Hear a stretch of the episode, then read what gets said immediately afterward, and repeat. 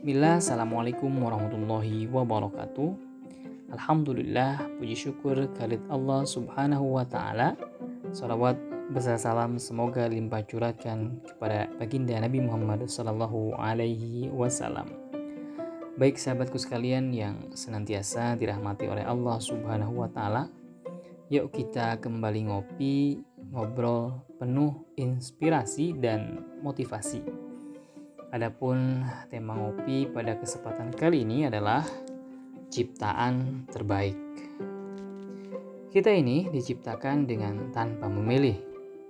Lalu kita hidup dengan beban tugas yang banyak dan tanggung jawab akhirat yang sangat berat. Lalu, di mana keadilan Rob? Pertanyaan ini mungkin pernah mengusik kita semua dan bisa jadi sampai saat ini kita belum mempunyai jawaban yang memuaskan ataupun menentamkan.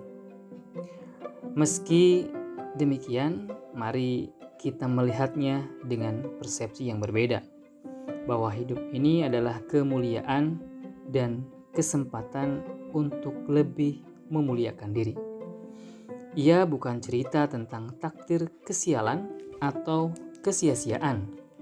Bukankah merasa sia-sia ini juga menjadi penyesalan orang-orang yang ingkar di hari kiamat kelak? Mereka berkata, "Kalau saja aku dulu menjadi debu saja." Jika kita tidak percaya akan kemuliaan yang dimiliki manusia, yuk kita renangkan, kita renungkan sejenak ayat Al-Qur'an Sesungguhnya kami telah menciptakan manusia dalam bentuk yang sebaik-baiknya.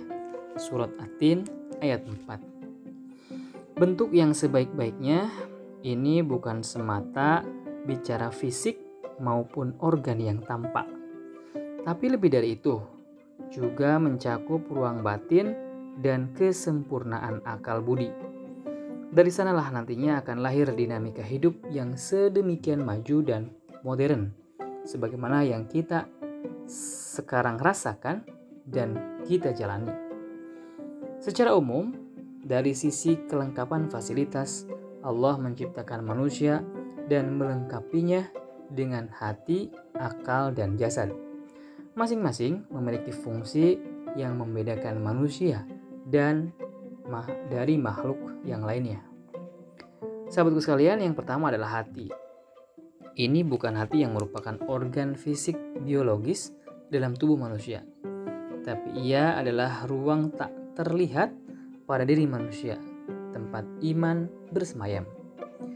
Jika kita meyakini atau tidak meyakini sesuatu yang berkaitan dengan prinsip, hati inilah tempatnya. Nah, secara fitrah, setiap manusia menjadikan keyakinan dan kepercayaan kepada Allah sebagai dasar dari semua keyakinan dalam dirinya. Dari sana akan lahir rupa-rupa keyakinan yang lain, keyakinan akan cinta, optimisme, masa depan, kekuatan diri, dan sebagainya. Berikutnya adalah akal. Ia adalah tempat ilmu pengetahuan berada. Fungsinya untuk berpikir. Akal pikiran inilah yang membedakan secara akurat antara manusia dengan makhluk lainnya bahkan malaikat sekalipun. Malaikat, semulia apa pun mereka, tak pernah teriwayatkan ada dinamika dalam kinerjanya. Yang bertugas menyebut nyawa, yang dilukannya hanyalah mencabut nyawa. Yang menanyai di dalam kubur hanya itu saja kerjanya. Bukan apa-apa, sebab memang mereka disetting seperti itu. Dengan akal pikiran manusia, dunia menjadi berkembang secara dinamis. Dulu, konon kabarnya orang hidup secara nomaden, mencari makanan dengan berburu dan meramu, menggunakan batu dan kapak berimbas. Sekarang orang nomaden juga masih banyak tapi menenteng koper, bersetelan jas mahal dan menggunakan pesawat pribadi. Walau cara makannya masih sama dengan mulut tapi cara mencarinya sudah jauh lebih modern.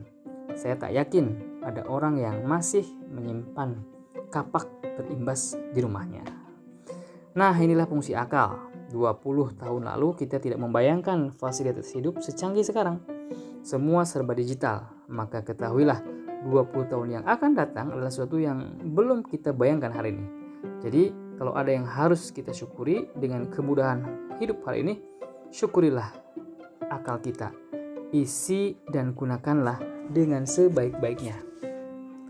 Terakhir adalah jasad. Jasad adalah tempat bersemayamnya kekuatan fisik. Berfungsi untuk bergerak dan beramal, sebab iman adalah keyakinan.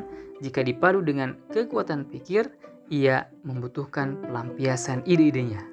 Wujudnya adalah amal atau kerja. Pelakunya adalah fisik yang bergerak. Kelengkapan ciptaan seperti ini merupakan kelebihan manusia yang tidak dimiliki makhluk lain. Dengan begitu, diharapkan manusia bisa memaksimalkan perannya sebagai pemimpin di muka bumi. Allah alam, demikian ngopi pada kesempatan kali ini. Insya Allah kita akan ketemu di kesempatan ngopi berikutnya. Assalamualaikum warahmatullahi wabarakatuh.